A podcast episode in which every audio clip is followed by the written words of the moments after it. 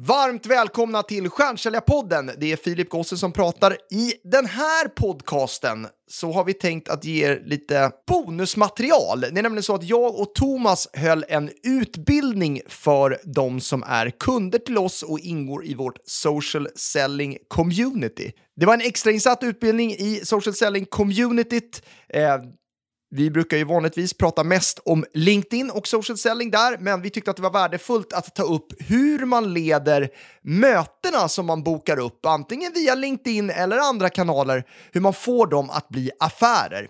Så det här är ett avsnitt som vi hoppas ska ge tips, idéer, tankar, verktyg för att bli bättre på att göra affärer från sina möten helt enkelt. Ni har hört en del av det förut, men det är skillnad på att veta vad man ska göra och göra vad man ska göra. Eh, så därför hoppas vi att det här också ska ge en liten påminnelse om vad som är viktigt. En stjärnsäljare är kreativ, har hög aktivitet och passion. Vi testar. Alltså dagens viktigaste valuta, det är ju tiden. Jag kommer ihåg när jag sprang mellan mötena och det bara rann över ryggen och så när jag kommer in där till tavlan och så kom han in till mig och så sa han, det här är inte tillräckligt bra. Jag somnade på en bänk. Jag vet inte, jag vet inte vad du var då. Vad den här tjejen än tjänar så tjänar hon för lite. Nu stänger jag av.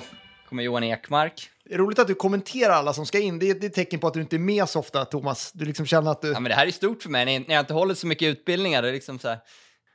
Eh, vem har vi där? Madeleine! Också på hugget. Sara. Jenny på väg in. Anneli med också. Emma, Norge, reppa. Nej, men nu får du sluta.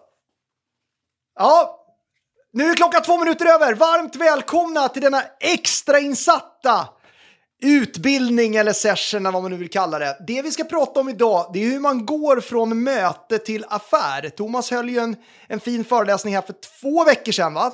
Två, snart imorgon är det två veckor sedan. Eh, där du pratade om eh, att gå från LinkedIn till affär. Eh, och det vi kommer att prata om här idag, det är inte superförknippat liksom, med LinkedIn, utan nu är det ju mer, liksom, nu är vi inne i sälj. Det här är ju säljtips. Eh, och det kan ju vara så att en del av er inte vet det, men men när jag och Thomas startade Stjärnsäljarpodden, det hette inte Stjärnsäljarpodden, det hette Multipipe från början, för sex år sedan, det vi gjorde då, det var att vi jobbade med säljutbildning. Sen har vi de två och en halv, tre senaste åren fokuserat på att bara outa social selling. Men det vi ska prata om idag, det är lite grann alltså att gå tillbaka, back to basic, kan man ja, säga. Men det, det, det är det här vi kommer ifrån, det är därför jag är så taggad. Det, alltså, det, det är det här vi har både arbetat med och också utbildat egentligen större delen av tiden. Alltså mer traditionell säljcoaching och det är en otroligt viktig del som ett komplement tillsammans med LinkedIn. LinkedIn löser inte allt själv. Det pratade jag sist om också, liksom, så inställningar och de bitarna. Men också resterande del av säljprocessen måste ju sitta också. Så att, då kör vi ett extrainsatt. Det låter lite formellt, men extrainsatt betyder ju att det är viktigt. Ja, det, och det, det, här är en viktig del. Exakt, vi spelar in det här så att det är någon som tittar i efterhand. Men det är, vi gör det här för er skull. Vi gör det här för att det är otroligt viktigt för oss att ni kan ta tillvara på det engagemanget ni får på LinkedIn. För om ni inte lyckas få liksom, de här mötena som ni bokar till att faktiskt bli affärer, då kommer inte liksom, ni känna att LinkedIn ger speciellt mycket och då kommer ni heller inte vilja fortsätta jobba med oss kanske. Och det är ju jätteviktigt för oss att ni vill fortsätta göra det. Så att när ni vinner, då vinner ju vi, så att säga. Så, att, så att det vill jag också bara skicka med att om det är så att ni vill ha mer av den här typen av utbildning, då hojtar ni till så, så ska vi liksom eh, eh se till att även liksom det här området penetreras. Det vi ska prata om idag det är alltså från möte till affär. Eh, agendan, vi kommer prata om en modell som vi dammar av lite grann. Så här. Det var många år sedan vi pratade om den, men vi har en modell vi kallar KAP som vi snart berättar om vad det står för. Några har hört det här tidigare också och några känner igen mycket, men det handlar om att göra också, eller hur? Man vet ju väldigt mycket. Man vet hur saker ska gå till, men gör man det? Inte alltid. Så mycket kommer ju vara en påminnelse här idag och en del nya grejer kanske. Kommer prata om hamburgaren idag. Några av er känner igen den. Eh, men eh, snart ska vi berätta om vad den är. Eh, sen då kommer vi in på det vi har lovat att berätta, liksom, ja.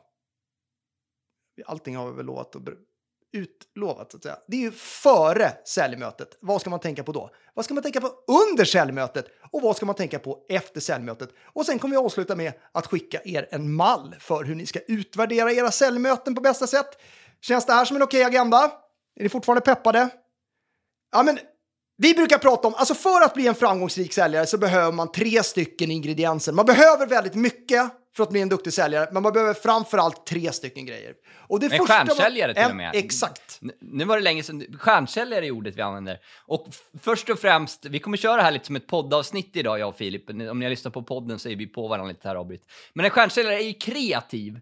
Och vad innebär det? Jo, det innebär framförallt att man vågar utmana sina kunder och att man utbildar sina kunder. Alltså, när vi kom till den insikten, det kom ju en bok för, måste vara upp på tio år sedan, som heter Challenger Sale.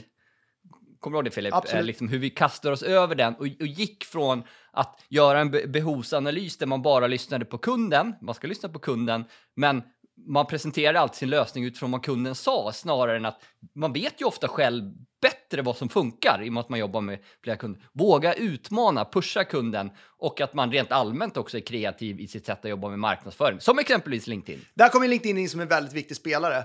Sen är det då så här, ja, man kan säga vad man vill om det här med aktivitet, men alltså att göra smarta aktiviteter är otroligt viktigt. Och jag skulle, alltså de säljare som vi har coachat och de som är stjärnor, det är också de med högst aktivitet. Man har många LinkedIn-meddelanden, man har mycket telefonsamtal, man svarar på många e-mail och i kombination med varandra helst. Vi kommer prata mer, det, eh, mer om det sen. Men, men alltså att, att man har en hög aktivitet. Därmed inte sagt att man ska göra onödiga och dåliga aktiviteter. För en riktigt bra säljare är ju väldigt duktig på att prioritera också. Det är ju en nyckel för att lyckas, att våga också att välja bort aktiviteter. Annars jobbar vi på Sen allt, det är in, bra. sen kommer vi in på den tredje delen som du aldrig riktigt har nailat Filip. För att vara en duktig stjärnsäljare måste man vara passionerad. Jag jobbar på det stenhårt. Eh, nej, men skämt åsido. Alltså, ehm, många gånger så kan det vara, alltså, det rationella stämmer. Det finns ett behov, man har en lösning. Men det finns alltid en osäkerhetsfaktor. Det är jobbigt att köpa. Alltså, där är det så många gånger, åtminstone när jag köper, men andra också. Liksom, om man kan se att den här personen brinner för det här, tror på det här och att då man som säljare ibland måste man faktiskt liksom ta kunden i handen baserat på att det är en match och gemensamt ta beslutet, gemensamt ta det över. Och det är en jäkla skillnad om man är passionerad, det är ingenting man kan fejka utan det är någonting man känner om det är en match. Så att eh, en skärsäljare måste vara passionerad. Och allt det vi pratar om här idag, eftersom ni alla som tittar på det här nu är kunder, så att säga, så blir ju det lite meta. Alltså förhoppningsvis känner ni ju igen en del av de här grejerna eftersom vi har ju jobbat i en säljprocess med er, så att säga. Det kan ju kännas lite konstigt att höra hur vi tänker då bak, liksom bakom kring det här, men det är, så är det ju, så att säga.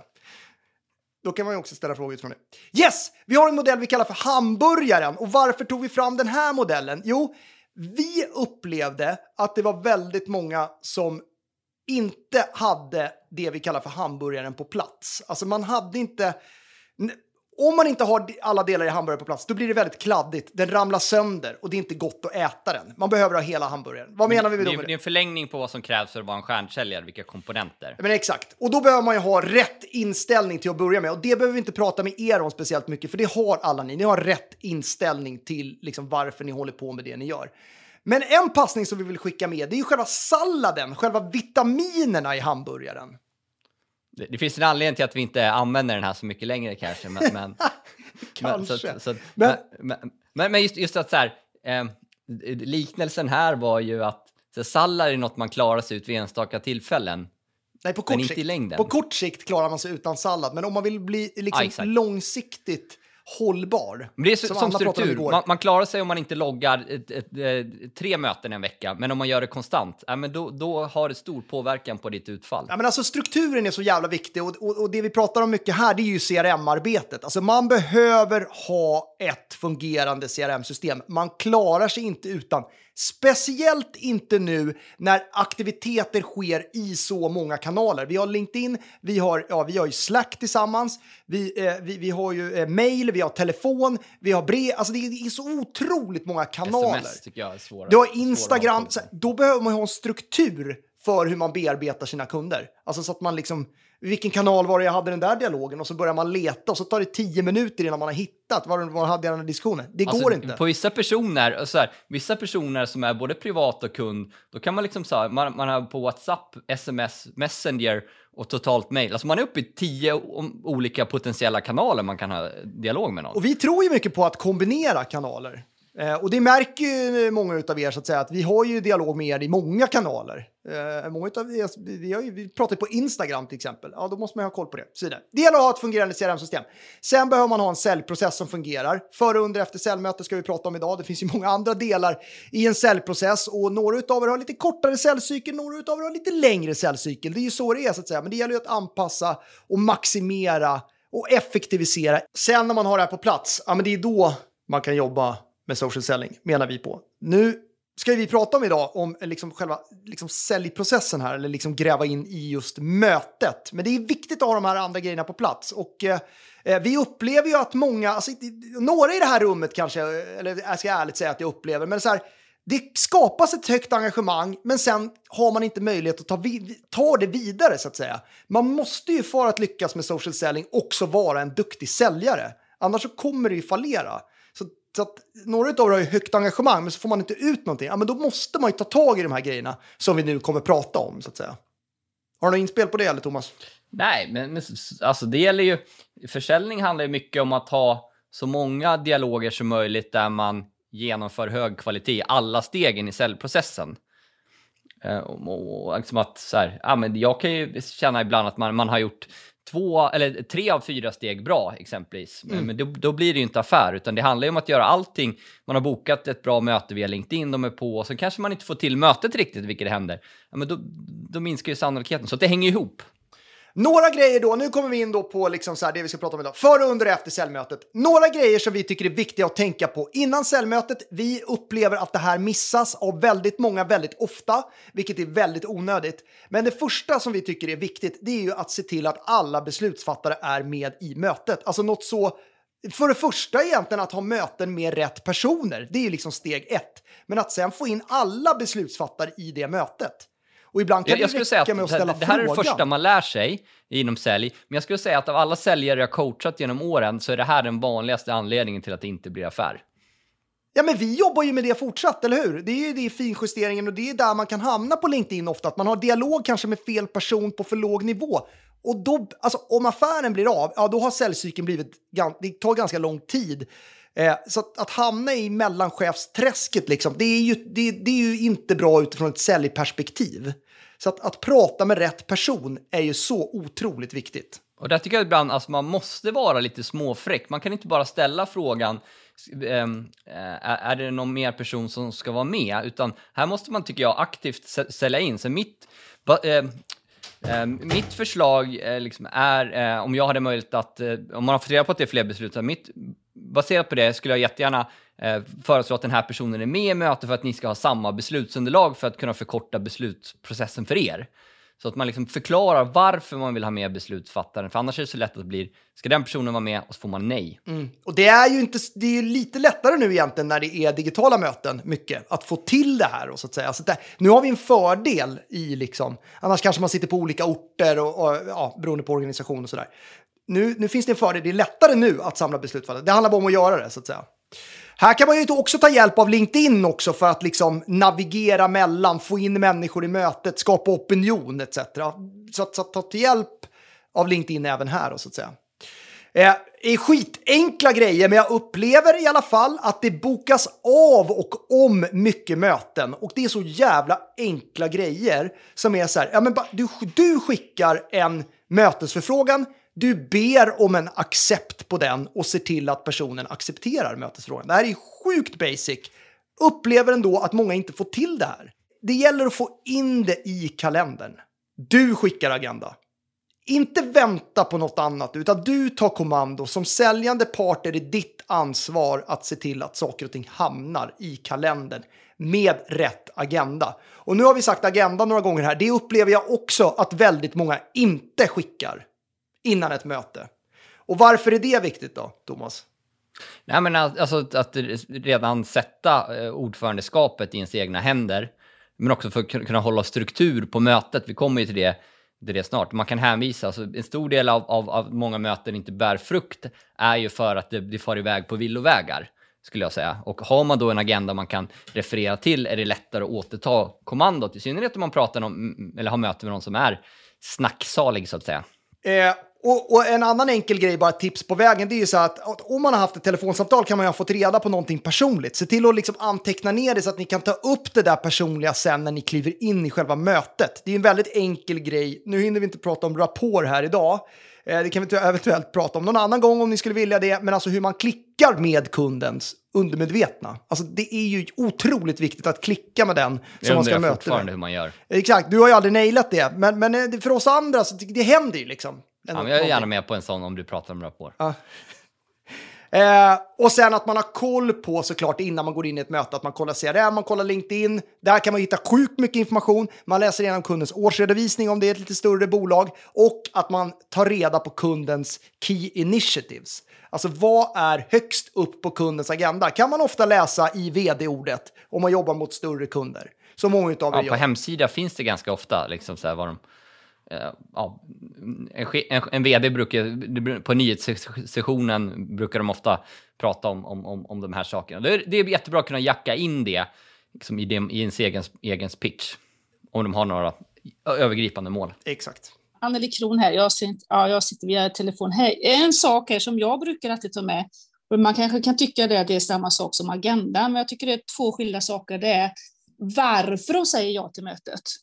Och om man gör en sammanfattning innan ma- när man, ja, man, träff, ja, man kommer in i mötet. Och, ja, jag ringde dig och då kom vi överens om det här och det här. Så man eh, repeterar varför man sitter där. Eh, tycker jag är väldigt viktigt. Och det är ju inte samma sak som agendan. Tycker inte jag är samma. Ja, men det kan skickas kanske i samma, tänker jag.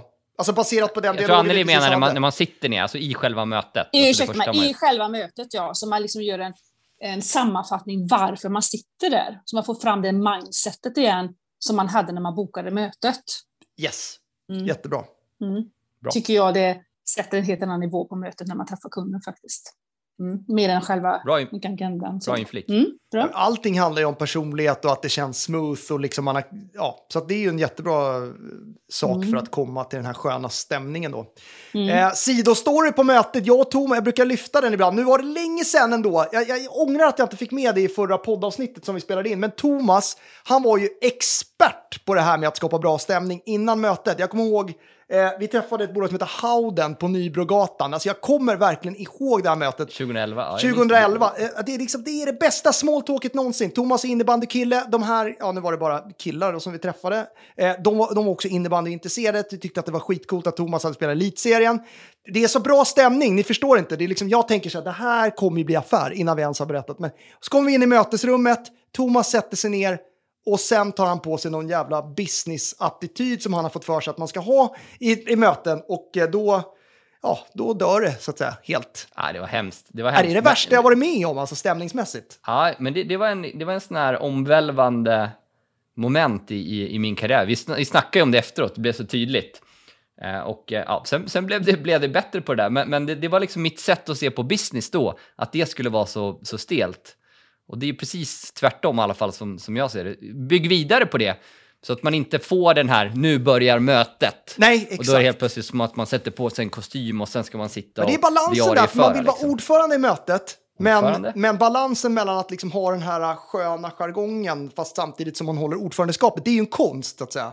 Ja, men jag tror alla kan relatera, även om det inte är så grovt, men att man känner ibland att fan, nu hade vi trevligt och sen helt plötsligt så ja, får man en olustig känsla nästan. Ja, jag var ju din chef då, så jag skulle ge dig feedback efteråt. Jag ville ju bara jag ville gå därifrån. Alltså, det var ju så nu, nu obehagligt. kryddar du lite, men ja, Nej, fortsätt det nu. var obehagligt. Det, det kan du inte säga något annat. Ja, men det var lär, lärorikt. Eh, du är ordförande i mötet. Det är du som sköter taktpinnen, det är du som är ordförande, det är du som ställer kraven, det är du som fördelar ordet etc. Viktigt. Det här är nu bra- generellt, vi pratar innan, alltså att tänka på kring mötet då så att säga. Skapa förtroende, klicka med kunden är otroligt viktigt. Man köper av en person. Om ni inte klickar med personen, ja, då, går, då kommer ni heller inte sälja någonting. Eh, så är det. Det gäller ju liksom att lära känna, förstå, klicka helt enkelt. Passionen som vi har pratat om, viktigt.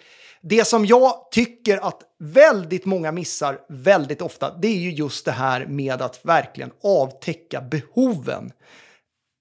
Det är ju en del människor som försöker sälja på mig. Jag vet att det är en del människor som försöker sälja på er. Vad fasen händer med behovsanalysen egentligen? De vill ju trycka ner någonting i halsen som man inte ens vill ha. Eh, det, det, det, det går ju inte. Utan det handlar ju om att förstå kundens behov, kundens pain, kundens eventuella utmaningar, vart de är på väg någonstans, resan, förstå om man kan vara en del av den resan och sen om man tycker att liksom man har någonting som passar in på kundens resa som de ska göra, ja då säljer man ju någonting.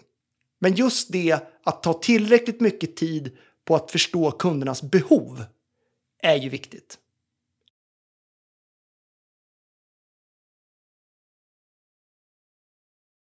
Nej, men sen vi pratar alltså en, en, en modern duktig säljare bidrar ju med att möta och, och ibland om jag vi verkligen ska få in ett möte, eller jag brukar säga liksom, nej, men oavsett om det blir affär eller inte så kommer du kunna ta med dig värde från mötet. Så att man alltid får in liksom en utbildningsaspekt, alltså man kan prata om trender inom försäljning eller trender inom sitt område. Så att man alltid går ifrån ett möte och motparten ska känna att, att man har fått med sig någonting därifrån. Vi pratar mycket om det här på LinkedIn, att ni ska vara rådgivarna så att säga. Det är ju samma sak i mötet. En del har lättare att vara det på LinkedIn, svårare att vara det i mötet. En del har skitlätt att vara det på mötet, men svårare på LinkedIn. Det här är viktigt att man är på båda ställena så att säga. Ni är inspiratörer, ni har kunskapen kring det som ni är experter på. Våga vara experten här är ju liksom någonting som ni vågar vara på LinkedIn, många av er, men var det också i mötena. Och så just det här som Thomas var inne på, det här med Challenger Sale, att våga utmana kunden. För det är ju så att det som skiljer en, stjärna, alltså en stjärna från någon som inte är det, det är den som vågar faktiskt stå upp, vågar utmana, vågar tycka någonting. Eh, och, och, och jag brukar säga det att ju, ju, ju, högre beslutsfattare som man träffar, alltså ju högre upp och ju mer anställda man har under sig, desto mer ska man ju utmana. För de här människorna blir inte utmanade så jävla ofta. Ja, men det, det, det är ett sätt för, för att, test, att bli testad, de testar en. Eh, och då skapar man förtroende om, om, man, om man vågar stå på sig och vågar utmana.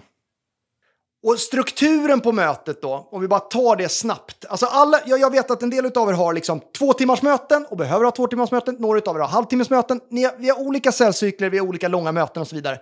Men om man bara tänker på proportionerna så tycker vi liksom att det bör se ut typ så här. En, en timmes möte. Ja, men det här är ju exempel på ett timmes möte. Så har man två timmar då får man liksom tänka annorlunda. Sådär. Men, men det handlar ju någonstans om, i början av mötet, då handlar det om att ta med sig det som man har haft liksom innan den dialogen, precis som eh, Anneli sa. In med den dialogen i mötet, men det gäller att ha ett bra small talk. Det viktiga vi brukar säga i smalltalk är att försöka vara en intressant person. Kolla upp den andra personen eller de andra personerna. Kolla upp dem innan, försök att klicka med dem. Gillar de skidåkning, ja då fattar ni att jag klickar lite bättre med dem. Om de inte gör det, ja, då får jag försöka klicka i alla fall. Eh, vilket är en jätte... Nej, jag skojar, det är ingen jätteutmaning. Men eh, det, det, det är så det är, så att säga. En, eh, Du försökte skämta. Du försökte skämta. Ja, i och för sig, precis. Det gick så. Small talk, det gäller att sätta det. Prata inte om kaffemaskinen. Med Thomas ska ni absolut inte prata om väder, då är man död direkt om man ska försöka sälja någonting på Thomas. Prata Nej, om väder, jag då är man borta. viktigaste är, försök sticka ut. Prata inte om corona, precis som alla gör. Prata inte om, alltså, om det som alla... Det det är inte så att man tappar mötet på det, men däremot har man möjlighet att sticka ut om man pratar om någonting helt annorlunda. Sätt agendan. Alltså, men någonstans måste man, det är ni som är ordförande, man behöver bryta smalltalket så att säga. Eh, man vill inte göra det mitt i liksom, att någon har en lång utläggning, men man behöver ju någonstans sätta agendan. För nu har vi en timme, nu ponerar vi det, nu har vi en timme, vi vill få ut max från båda håll på den här timmen. Sätt agendan. Och då är det ju mycket lättare om man har skickat agendan innan. Jag vill att vi ska gå igenom de här fyra grejerna. Först vill jag introducera mig själv och varför jag är här. Sen vill jag ju förstå dina behov och dina eventuella utmaningar. Sen utifrån det så vill jag presentera någonting som jag tror kan vara till nytta för dig beroende på vad du har sagt. Och sen avslutningsvis vill jag veta om det är så att du tycker att det här är intressant, hur vi ska ta det här vidare. Känns det som en okej agenda? Den behöver man ju sätta, man behöver få accept på den. Sen kan man ju dra igång med sin introduktion. Ja, och här är det så lätt att, att, att slarva och ta det här för givet. Det här är någonting jag tycker man, att man, man måste göra det varje, varje möte. Sen kommer man behöva liksom kämpa mer, ibland mindre, för att hålla agendan. Men om man väl behöver kämpa för den, då är det en jäkla skillnad på om man har satt den eller inte satt den. Precis. Nu händer ju inte det jätteofta kanske längre. Det var ju mer när man var lite mer, i alla fall för min egen del, junior då så att säga, att folk ville gå utanför den här agendan och skjuta frågor när det inte var läge för det. Eh, men, men då var jag ju tvungen att säga då eh, tydligare, så okay, men vi, eh, nu kom vi överens om att vi skulle ha den här agendan initialt. Kan vi hålla oss till den? Du sa ju okej till det i början av mötet. Då kan man ju gå tillbaka till det. Det kan man ju inte göra om man inte har satt agendan. Eh, introduktionen då, tycker ju vi då, det, då ska man ju då sammanfatta varför man har bokat det här mötet, vad man vill med mötet, vad man är duktig på, droppa en del referenser och säga vad man kan göra. Eh, lite mer generellt. Och sen vill man ju så fort som möjligt när man liksom har satt arenan göra behovsanalysen. Men jag tycker introduktionen kan man... Eh, alltså, det här var vår finska vd som, som pratade liksom att ja, så här, bygg kredibilitet. Här tycker jag man kan vara ödmjuk ska man vara, men också liksom lite skryt, inte skrytsam, men man ska vara lite stolt. Alltså vi jobbar med vi har utbildat t- eh, 300 SAS-bolag eller vad vad det nu hittar jag på. Men alltså så här, att man ändå, det ska bli lite den här wow-faktorn tycker jag i introduktionen. Så att det inte blir att eh, vi grundades eh, 1962 och eh, man, alltså man, man ska inte köra den här tråkiga företagsfaktan utan passion och lite så här, mm, wow. Exakt. Vi jobbar med Bombay Works liksom, till exempel. Det är ju så jävla ballt. Wow! Ja, men Iris, behovsanalysen, liksom. är ju, behovsanalysen är ju liksom om något så här, det är lite här, det, det skiljer sig åt om man är en okej säljare eller om man är en stjärnsäljare. Eh, Och eh, eh, hur lägger du upp dina behovsanalyser nu för tiden? Du säljer ju inte lika mycket längre, Filip. Nej, men det här är någonting som man... Alltså det här, det- och det är det som är så eh, roligt med sälj också. Så här, det, det, ibland så fuskar man ju. Man försöker ta den lätta vägen och det går När du ju säger man aldrig. menar du Ja, jag, visst, jag menar mig själv. Själv. Det är ju jävla dumt. Det. Jag har Säg ju nu på slutet... Jag, jag säger ja, jag tar bort det. Jag har nu på slutet tagit den enkla vägen ibland. För man tänker, speciellt nu när man jobbar med social selling, man har sin leadstrat, de har sett den i webbinar, kanske till och med varit med på social selling-dagen och då blir det bara då tänker man liksom att Nej, men nu ska de bara boka communityt här. Det är liksom nästa steg. Nu ska jag bara stänga den affären. Så glömmer man bort, eller jag glömmer bort att göra behovsanalysen då, förstå kundens verkliga behov. För att om jag fått reda på behovet, då kan jag ju tydligare knyta värdena med att vara med i community, om det behovet fin- finns då, så att säga. För, för, för att det är ju en, det är, det är en skala, liksom, hur stort problem man upplever att man har någonting. Jag sa i, i ett poddavsnitt för ett tag sedan, alltså beroende på om du blir av med en nagel eller blir av med ett finger så kommer du liksom, engagera dig olika mycket för att åtgärda det. Är det ett brutalt exempel? Eller? Det var lite brutalt. Men eh, jag, det, du fatt, man fattar ju vad du det. menar. Men, men, men, men, men så det är en jäkla skillnad på så här, att ställa en fråga. Vilka är dina största utmaningar inom, inom ditt område? I vårt fall då sälj. Ja, men det är lite svårt att boka möten. Okej, och så går man bara vidare. Då tänker man, ja men nu har jag fått behovet, då kan jag gå vidare och börja pitcha. Än om man då, det vi pratar om, alltså, nu det är väl också kanske lite brutalt, men vi kan säga i den här gruppen, alltså att alltså, in med, med kniven och liksom att de verkligen får ett, eh, ett, ett problem. Alltså okej, ni, ni, har, ni har svårt att bo- boka möten, vad, vad kan det innebära? Ja, men det innebär att det blir svårare för oss att nå vårt, vårt årsmål. Vad kan det innebära? Ja, och hur ska ni lösa det? Ja, men säljarna måste ringa kalla samtal. Vad innebär det? Nej, men att säljarna inte tycker om det. Alltså att det blir liksom, man ställer, Jo, gräver men frågor framförallt gör då, vad innebär det för dig? det. Vad innebär det för dig att ni inte når era målsättningar? Vad händer med dig då liksom? Ja, jag blir deppig som fan. Okej, vill, vill du vara deppig? Nej. Jag har en lösning på ditt problem. Nej, ni fattar. Det var lite riktigt. Depp, är lite brutalt där. Ja, men det, man förstår poängen Nej, så att men, säga. men, men, alltså, men det, det, det är skillnad så här, att man inte stannar upp. Här måste man våga utmana och så här, man ska känna efteråt, fasen, jag, jag har ju ett stort behov här. Eh, Så det handlar ju lika mycket om att man ska få informationen som att personen i frågan själv ska inse att ja, men jag har ju verkligen problem som behöver bli, bli lösta. Och sen att man då utifrån, ku- och det är det här som blir problematiskt då om man använder för mycket powerpoints. Det, det är ju, och det som är bra med digitala möten, det som du eh, har visat mig Thomas, det är att du ändrar ju i powerpointen efter mötets gång så att säga. Beroende på vad som har kommit upp i behovsanalysen är du snabb i powerpointen och plockar in och tar bort grejer så att säga. Den möjligheten har vi, det är lite, mer, det är lite svårare i ett fysiskt möte. Eh, men då gör man ju en presentation utifrån kundens behov och, och har man en färdig tryckt liksom powerpoint, då, blir det ju bara utifrån, då blir det ju inifrån och ut och inte utifrån och in. Och det är ju ett misstag så att säga. Det gäller ju att presentera någonting utifrån det som har kommit upp och kundens verkliga problem.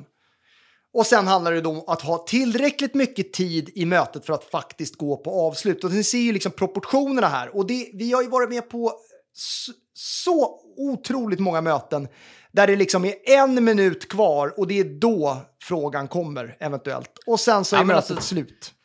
Ja, men det, alltså så här, att beröra, alltså man kommer in på pris eller nästa steg när man redan är över mötestiden. Därför tycker jag, så här, eh, när man har, man har gjort en behovsanalys, man har fått fram konkreta eh, behov, jag tycker gärna man kan, man kan sammanfatta det och sen kör man sin pitch. Och att man därefter, när man har gjort sin pitch, alltså presentation utifrån behov som det står där, ja, men baserat på att jag, jag tror att vi har en lösning, är det här någonting som du skulle vilja genomföra? Jag tycker inte att det är en aggressiv fråga, men, men det underlättar för båda parter om, om man är tydlig. Eh, och jag gillar ju inte så här halvlulliga frågor. Är det här någonting som eventuellt potentiellt skulle kunna vara intressant för dig? Utan ställ ett tydligt svar eller ett tydligt Eventuellt fråga. potentiellt. Intressant. Eh, Eventuellt potentiellt om du ponerar att det finns en möjlighet att hypotetiskt... Ja, exakt. Ja, ni, ni, men ni fattar vad jag menar. Det räcker Om man är det priset inte var en fråga, skulle du... Ja, men alltså, Det räcker ju att säga bara få in ordet intressant så blir det ju lulligt. För det är klart att det i princip alltid är, in, oftast är intressant. Eh, Men det är ju när du ställer frågan tydligt, det är då du får upp de äkta, de reella invändningarna. Och det är också då du kan hantera dem. precis. Men det är det... det, Alltså, det vad som, tycker du om det här? Nej, det är för dyrt. Okej, men då, då, då har du i alla fall 15-20 minuter kvar att hantera den. Om det är två veckor senare än, än i ett, ett, på ett mejl, då kan du inte hantera den om de tycker att det är för dyrt. nej. Så att man vill ju... Du sa ju här att eh, era säljare har på tok för lite möten, eller vad det nu kan tänkas vara. Alltså, då kan man ju hantera det. Eh, exakt. Och, och, och självklart ska man prata om ROI och liksom räkna ut det i mötet så mycket man kan och så vidare. Men, men om, man vill ju hantera de mesta invändningarna i mötet. Så att säga. Det, är, det är det som är tricket. För då har man en möjlighet att lösa det. Efter mötet då? Det finns ju en del saker att tänka på då. Ja, men det är ju det här tydliga nästa steg. Vad behöver du göra? Vad behöver jag göra? Vem behöver du prata med? När kan du prata med den personen? Kan jag ringa dig och liksom inte det här att det är en återkoppling om två veckor som är det klassiska. Två eller tre veckor är den absolut mest klassiska återkopplingstiden. Utan att ta kommandot liksom så här. Okej, vem behöver du prata med? Jag behöver prata med Mats. Okej, när kan du prata med Mats? När träffar du liksom honom? Eller när ni Har har du möjlighet att prata med Mats under dagen eller morgondagen? Ja, då ringer jag dig imorgon. Nej, men så jag tycker det är viktigt att man, man är den som sätter vilken tidskontext man pratar om. För öppnar man upp frågan fritt... eh, Då är det två, tre veckor. Det är alltid. Ja, men det kan, vara, det kan ibland vara två månader också. Ja, jag, man jag, har ju kommit på två- mig själv att säga det så många gånger. Alltså när, när det är någon inte är- ja, Det är alltid eh, två, alltså, tre veckor. Nej, men det Nej, det, att då tror man att det är så mycket bättre. Och, och för tiden talar ju alltid emot den efteråt. Och liksom så här, det är för båda skull. Det är jobbigt att ha ett beslut hängande över sig också. Alltså, så mitt förslag baserat på, på att det här är intressant. Eh, Du ska prata med, eh, med eh, Josefin, eh, eran, eran vd. Eh, och eh, utifrån att, eh, mitt förslag utifrån att båda ska ha samma beslutsunderlag vore om jag, jag, jag slog en signal till, till Josefin också och gick igenom det här, det här för henne. Eh, och så tar vi en uppföljning efter att ni har pratat med varandra. Jag har pratat med henne eh, för, förslagsvis på, på, på fredag eftermiddag. Och sen helst få in den tiden i kalendern också. Återkopplingstiden så att säga. Eh, och det här är ju oavsett om det är att man ska stänga affären eller om man ska stänga nästa möte. Här äger man ju, jag menar en del av er behöver ju liksom tio möten för att stänga en affär. Men då äger man ju hela den processen. Och där är det så många som säger så ah, ja men våra säljcyklar är ett och ett halvt år. Men det är ju så otroligt många som jag har jobbat med som kan förkorta den med att göra det här effektivare. Att vara tydligare och äga säljprocessen. Ja, och, det är så här, när man går igenom alla de här tipsen var för sig så här, då kan det ju så här, men, om jag går igenom det här så uppfattas jag som en robot. Nej, det handlar inte om det, utan det handlar ju om ju fler gånger man gör det här, som i början när man gör det här, när, jag började, då blir man ju lite robotaktig liksom. Det är de här. Du Men- var men ju väldigt stötig gör- i och för sig då. Det är lite Ja, extremt. men, men det är ju Ja. det är ju för att man tror på processen så, så, så jobbar man med den. Men ju mer man gör det här, det ska ju inte uppfattas som att liksom att det här är en person som, som följer en sån här cellprocess. Det är inte det vi menar, utan det handlar om att kombinera det mjuka, din personlighet, så att det blir ett flow med eh, den här eh, processen. Och, och, och just det här med att våga gå på avslut, det måste jag, om jag ska ge dig någonting Thomas, så är det ju, du är ju extremt duktig på att ställa frågan och gå på avslut. Det är ju liksom en av dina absoluta styrkor. Och, och, och det, Tack, det är inte så ofta du berömmer nej, jag vet, jag, jag tänkte ska jag göra det eller inte, men jag tänkte jag kan passa på här nu ändå. Det, det är ändå så bra stämning känner jag. Tack, är, vi har inspelat det- att Filip ger mig beröm. Det är ju, det är ju uncomfortable. Jag vet det, men det handlar ju om, många av er är ju duktiga på LinkedIn att gå utanför zonen. Det måste man göra även i mötet. Och efter mötet. Ja, och, och grejen är att har man gjort de här stegen så blir det inte något... Det, det då är det en naturlig del att ställa frågan. Men, men om man däremot inte har liksom följt... Eh, no, no, liksom, det, det, kan ju vara helt fel att ställa en avslutsfråga om man inte har fått ett behov. Nej, nej, nej det exakt. Det får inte bli det obehagligt fel. Så att säga. Det, och det Alltså, har då man blir det ju... bara dålig stämning. Men, det så misstaget har därför- du också gjort kan jag säga dig eh, på möten. Ja, för fasen. Men, men det är därför så här, har man fått behovet och man har en lösning, det vore fasen oförskämt att inte ställa frågan. Det är ganska många möten som jag har velat, velat krypa genom golvet när jag har varit med dig. Nu när man tänker efter. Så här. Ja, en sak som är otroligt viktigt är att överträffa förväntningarna. Eh, jag har ett jättefärskt exempel nu när jag har varit konsument i och för sig, men det här gäller även inom business to business. Jag beställde en dator till vår nya anställda som börjar på måndag. Då eh, skrev Apple då, för jag ville ha en, den nya macken, att den skulle komma 7-9 mars. Jag blev lite arg, Thomas blev ännu argare. Eh, och, eh, då, men så kom den igår. Och då var det så här, då hade jag, jag blev lite arg, men förväntningarna var att den skulle komma 7. Och sen så fick jag ett sms, nu har den kommit! Ja, jag blir glad. Du Ja, överträffar dem i förväntningarna. Jag, jag skulle möta förra veckan med en person som har forskat i försäljning. Han bommade mötet. Mm, det är jättebra. Alltså det, det, det, att, Det är att sätta förväntningarna här och sen... nej, det är ju klassiker. Men alltså eh, att överträffa förväntningarna. Om man till exempel ska skicka någonting. Säg då, ja men jag kommer skicka det här, jag kommer skicka, är det okej att jag skickar det här på fredag som ett beslutsunderlag? Och så skickar man det på torsdag. Alltså att vara smart och överträffa förväntningarna. Eh, Och, och också så här, jag tycker alltid man ska skicka någonting liksom, i samma dag eller senast 24 timmar. Eh, och alltså, ja, om, om man behöver mer tid på att göra en offert, men att man alltid skickar någonting direkt e- efteråt tycker jag tackar. Eh, nu har vi eh, bara några minuter kvar. Några grejer till så här. Enkelt, gör det enkelt för kunden. Det är så många som gör det så komplicerat. Gör det enkelt. Ett eller max två val. Kom Ja, försök till rätt mötet lösning. komma, hjälpa kunderna att komma fram. Har man fem erbjudanden, det blir mycket svårare om man skickar alla fem erbjudanden. Liksom, försök komma fram till mötet vilket eller kanske två som, är, som passar. Ja, eller bara göra det enkelt. Så här, vad är nästa steg? Ja, det är att vi tar ett till möte när du har med din chef. Ja, Då är det, det ett Alltså, det- enkelt nästa steg, så att Det, säga. det här är applicerbart även om man har, har längre säljcykler. Och sen att man är ordförande i hela processen. Eh, att man jobbar med att påminna kunden. Här kommer LinkedIn in som ett superbra verktyg. Eh, att liksom våga ligga på. Även om det då är några veckor eller månader kvar till att beslutet kommer. Men att man hela tiden är där och påminner om att man finns etc. Och våga ligga på är ju liksom en nyckel. Eh, och det är en Ja, inställning. förutsatt att det finns en match och eh, att framförallt om man har åter, av, eh, avsatt en tid och någon inte hör av sig. Ja, och så är det charm och eh, passion genom hela processen. Så att det är liksom, man får inte bli nasaren så att säga, som bara liksom, eh, ligger på. Utan man måste ju skoja till det ibland och, och liksom vara lite charmig och sådär, om man kan. Eh, och använd LinkedIn. Vi tror ju väldigt mycket på att kombinera kanaler, speciellt i uppföljningen. För att liksom, det, det kan ju vara så att en del, eh, ja, vi kanske känner igen några här som har, man faller in i någon radioskugga så att säga. Eh, när man ska fatta beslut, det är ju jobbigt att fatta beslut så att säga. Men att man då försöker ta, liksom, i, i, med flera kanaler nå beslutsfattaren då om man inte får svar. Eh, och, och där kommer ju LinkedIn in som en viktig grej. Mailen, telefonen, ja. Eh, Så att man, så man vågar jobba med flera kanaler. Sms är ju sjukt underskattat tycker jag. Jag fick ju in en kund idag eh, via Instagram. Ja, du ser. Och jag smsar ju med väldigt många av er. Så att det är ju...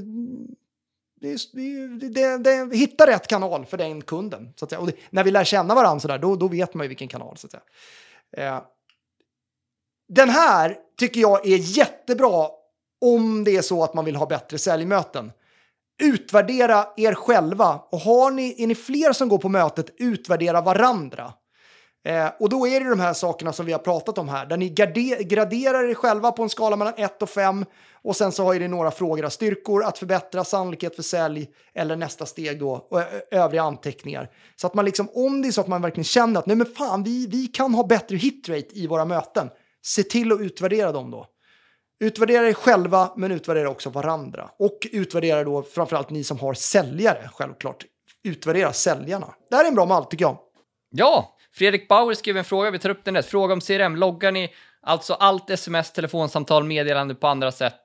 Eh, jag, jag loggar i princip allt i CRM. Alltså, om, om det är liksom upp... Alla, ni som var med sist såg att jag skrev ju väldigt många LinkedIn-meddelanden. Så här, om, det, om det bara, om det innan det blir konkret så loggar jag inte alla LinkedIn-dialoger. Det gör jag inte. Men så fort det blir lite mer konkret loggar jag det. Mm. Så att jag har outsourcat hela mitt minne om alla detaljer till CRM-systemet. Hellre mer än mindre. Hur känns det, Filip? Ja, bra tycker jag. Ska vi köra att man får skriva i chatten då? Vad tar ni med er från de här 45 minuterna? Och sen ska vi ju stänga av för klockan är ju 47. Skriv i chatten. Gunilla skriver kombination av kanaler. Bra. Behov, Jonas, behovsanalys, våga gå på avslut, mötesutvärdering. Eh, Isabelle, våga gå på avslut plus mötesutvärdering. Eh, Emma gillade sist om uppföljningsplan.